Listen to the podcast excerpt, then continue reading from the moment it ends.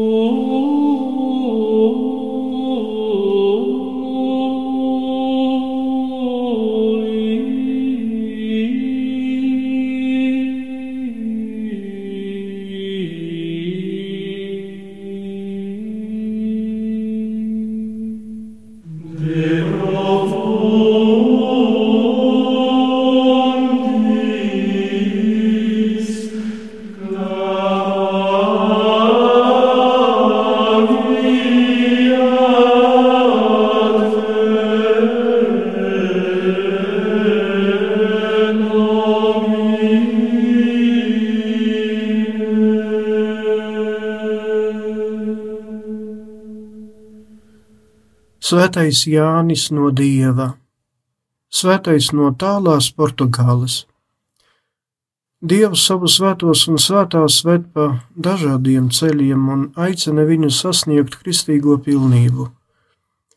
Pa ļoti netipisku ceļu Dievs vadīja arī šo svēto, kuru nereti sauc par trūkumu cietēju jeb nabago no Granādas. Jānis Judat piedzima Portugālē netālu no pilsētas ar nosaukumu Evora 1495. gadā. Tēvam piederēja neliela māja un arī neliela amatniecības darbnīca. Māte centās pildīt visus mājas darbus un arī visā palīdzēt darba darbnīcā. Kad Jānim bija astoņi gadi, Uz viņa dzimtajām mājām atnāca kāds svētceļnieks, priesteris, un lūdza naktsmājas. Nākamās dienas agrē rītā viņš devās projām, un pēc neilga laika viņš pamanīja, ka aiz sevis seko mazs Jānis. Zēns karsti vēlējies iet šim svētceļniekam līdzi. Šim nolūkam viņš aizmuka prom no savu vecāku mājām. Vecāki vēlāk visu laiku meklēja savu pazudušo dēlu. Māte pēc pāris gadiem aiz skumjām un bēdām nomira, bet tēvs iestājās Franciskaņu klosterī. Nav saprotams, kāpēc priesteris veceļnieks neaizsūtīja mazo zēnu atpakaļ uz mājām. Pēc divdesmit dienām viņu ceļi šķirās un zēns palika svešai viņam pilsētā un vietā. Viņu pieņēma kāds vietējais dišciltīgais vārdā Francisks. Tur Jānis nodzīvoja vairākus gadus. 27 gadu vecumā Jānis atstāja šo sava labdara māju un devās, nu tā teikt, meklēt piedzīvojumus.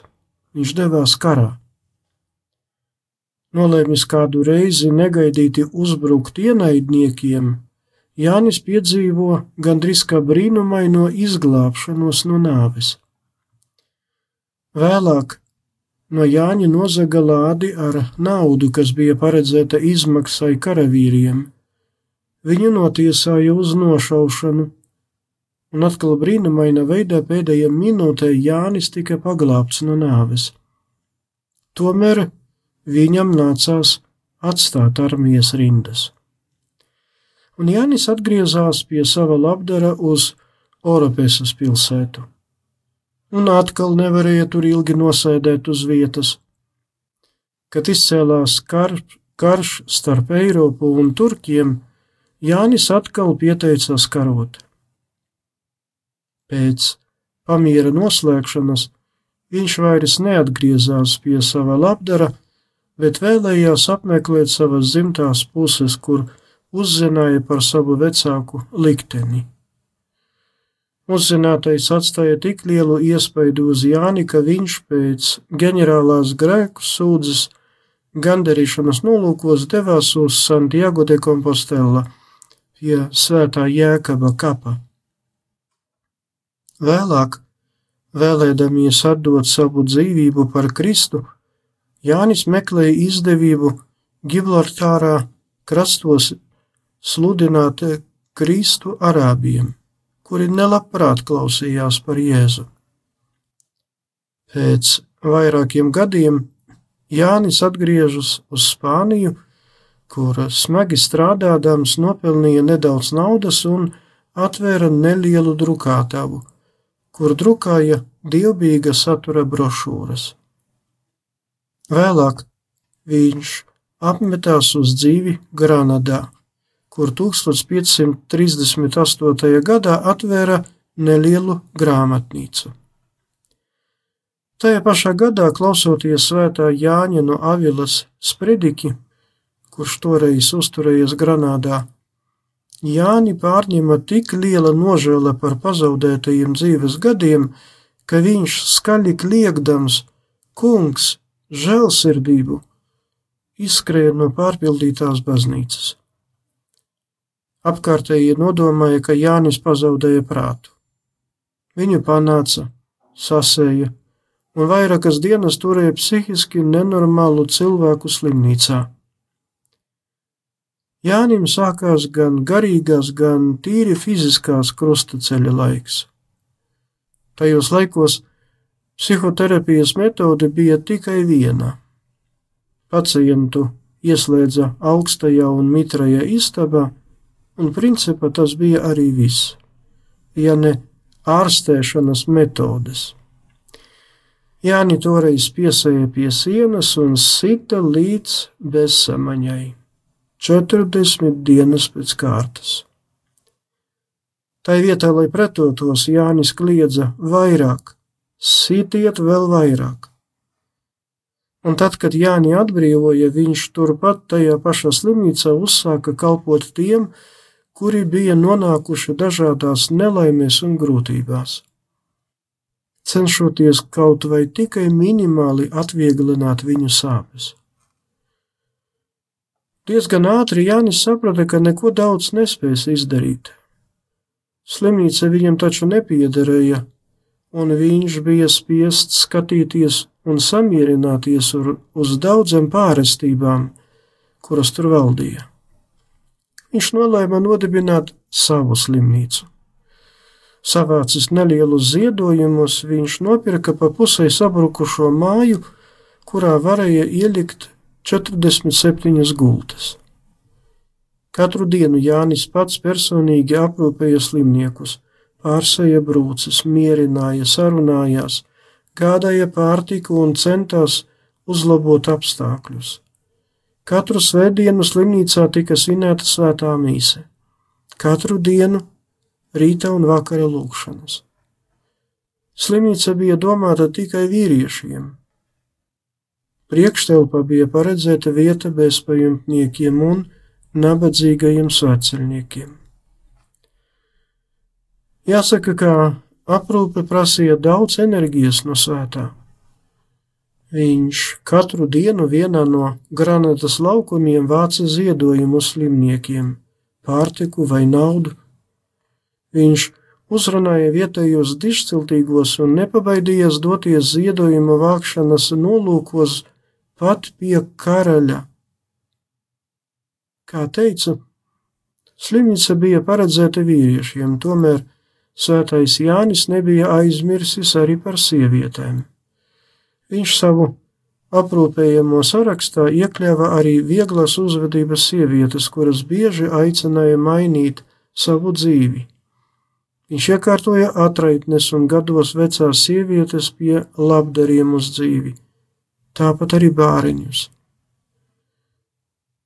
Svētais Jānis ar laiku saprata, ka viens pats neko daudz nespēs, un tāpēc norganizēja jaunu ordeni, nabadzīgo un atstāto aprūpēju, kurus nosauca par žēlsirdības brāļiem.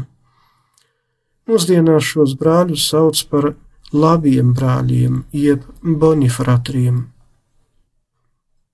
Svētais Jānis nomira stāvēdams uz ceļiem un turēdams rokās krustā sistā attēlu. Viņa pēdējie vārdi - Jēzu, tavas rokās es atdodu savu garu. Tas notika 1550. gada 8. martā. Viņam bija toreiz tikai 55 gadi. Jānis, pateicoties Dieva žēlastībai, darīja daudz un dažādus brīnumus, tādus kā, piemēram, tad, kad plosījās ugunsgrēks karaliskajā slimnīcā Granadā. Viņš metās ugunī un veselu stundu, neraugoties uz liesmām, nesa ārā slimniekus. Svēto kārtā iecēla viņu pāvests Aleksandrs VIII, 1690. gadā, un viņa svētās relikvijas atrodas Granadā, Spānijā.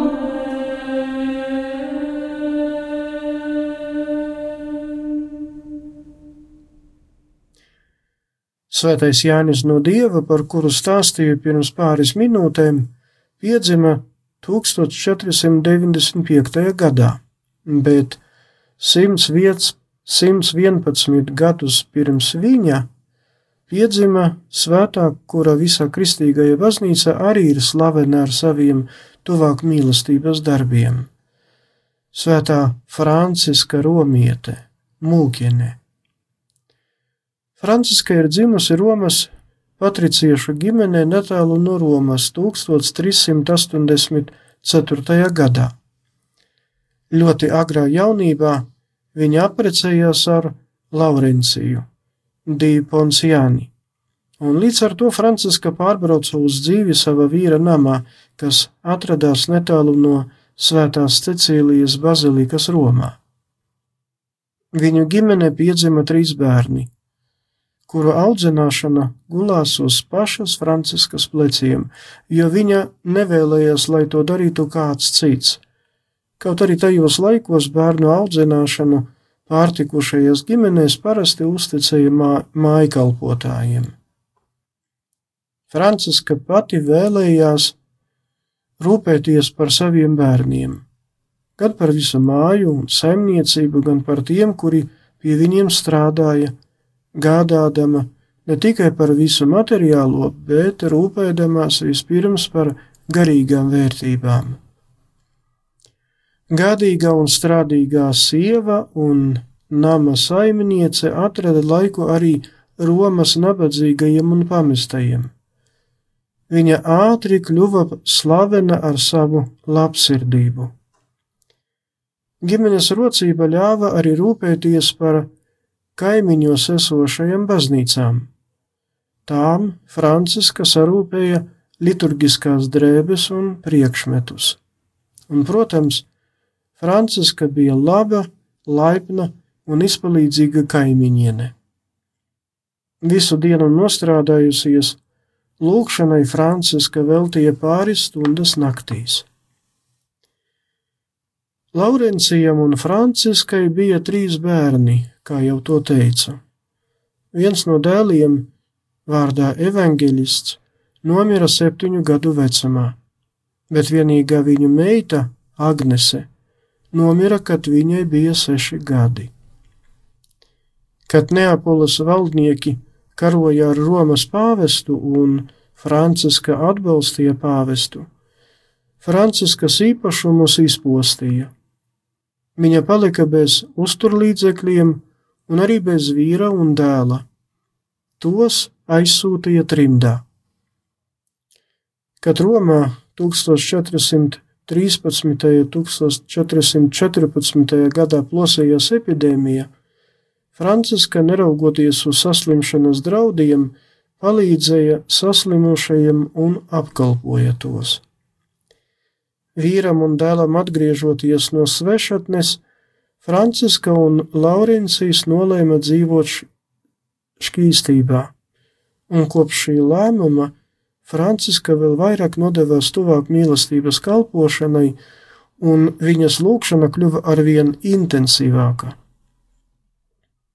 Ap Francisku sāka pulcēties sievietes, kuras vēlējās tāpat kā viņa veltīt sevi lūkšanai un karitatīvajam darbam. Ar laiku izveidojas arī Benediktiņu māsu oblašu apvienība, kuru loceklis lūdzās, gandarīja un darīja žēlsirdības darbus. Kopā ar viņam Franciska apmetās uz dzīvi netālu no Romas kolizēja. Pēc sava dēla, bet pēc tam arī vīra nāves Franciska varēja ieģērbties mūkienes tērpā, kurā viņu arī vēlāk apbedīja, kad viņa 56 gadu vecumā nomira 1440. gada 9. martā. Savas dzīves laikā Franciska Romiete nevienu reizi piedzīvoja mistiskās žēlastības, vīzijas, ekstāzes. Dievs deva viņai arī pravietiskās un dziedināšanās spējas. Ārkārtīgi reta žēlastība, ar kuru viņa bija apdāvināta, bija spēja redzēt savu sarkēņģeli. Svēto kārtā Franciska Romiete ir oficiāli iecelta 1609. gadā.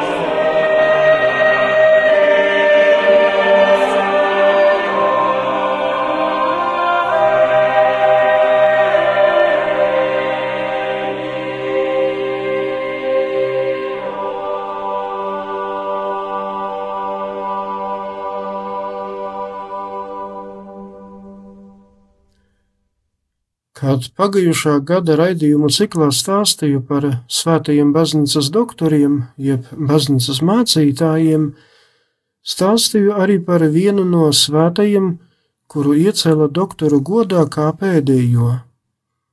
2015. gadā pāvis Francisks svinīgi iecēla baznīcas mācītāju godā armēņu svēto Gregoru no Narekas, mūku mistiķi un dzēnieku. Par Armēnijas Kristīgās baznīcas svētajiem nolēma pastāstīt arī šajā raidījumā, jo 10. martā saskaņā ar baznīcas vispārējo kalendāru tiek godināti 40 sebastes svētie mocekļi. Sebasta ir viens no senās Armēnijas kristīgās dzīves centriem, un tieši tāpēc, laikā, kad izcēlās sākuma imperatora Diokleciana iniciētas, bet pēc tam vairāku citu Romas imperatoru turpinātas kristiešu vajāšanas, Sebastes kristieši tika pakļauti nežēlīgām mocībām.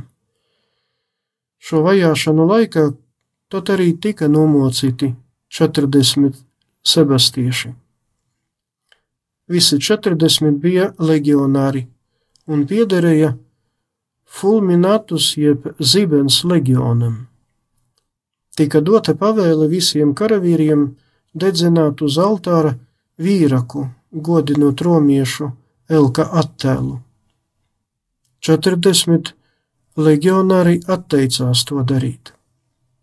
Viens no viņiem teica tā: Ja mēs vīrišķīgi un drosmīgi cīnāmies un karojam par savu zemes imperatoru, tad jo vairāk drosmīgāk mēs cīnīsimies par kungu dievu. Visus 40 apcietināja un aizveda uz Sebastes pils cietumu, kur apcietinātos sākuma nežēlīgi sita. Daudziem tika izsisti zobi, un tad tika dota pavēle visus 40 nosaldēt. Notiesātajiem ļāva atvadīties no ģimenēm, pēc tam viņi lūdza viņus apbēdīt vienā kapā. Senā kristīgā tradīcija ir saglabājusi viņu vārdus. Precīzi, kā nomira mocekļi, nav skaidrs. Pirmā versija apgalvo, ka 320. gada 4. maijā naktī viņus izveda ārā no apcietinājuma, lika izģērbties un stāvēt kailiem ārā. Bija ļoti augsta nakts. Mocekļi lūdza tikai vienu no dievā, lai visi izturētu visu līdz galam. Kā liecina sens nostāsts, viens no notiesātajiem neizturēja un atteicās no Kristus.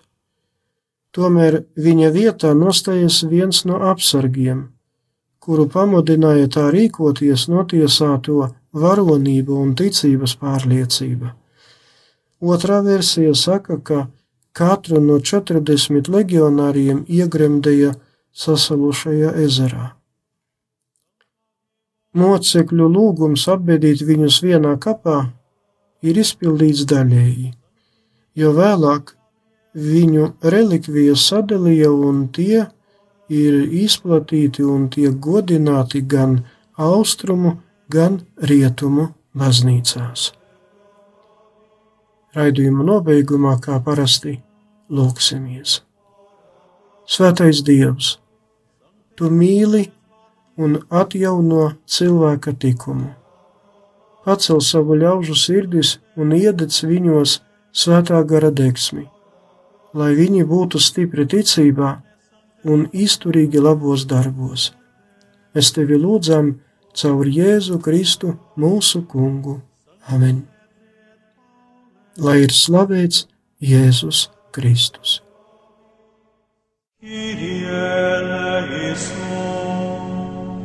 Raidījums Svētie! Katrā laikmetā ir dzīvojuši daudz svētie, un katrai paudzei tie ir un paliek kā dzīvās ticības liecinieki. Mocekļi, apliecinātāji, vīri un sievas, jaunieši un bērni. Svētie ir tik dažādi, gluži kā mēs. Bet ir kāda īpašība, kura visus svētos vieno. Viņi mīlēja, mīlēja Dievu un cilvēkus.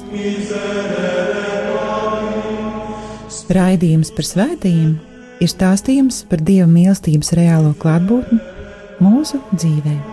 Santa Trinitas unos Deus, miserere Santa Maria, Ora.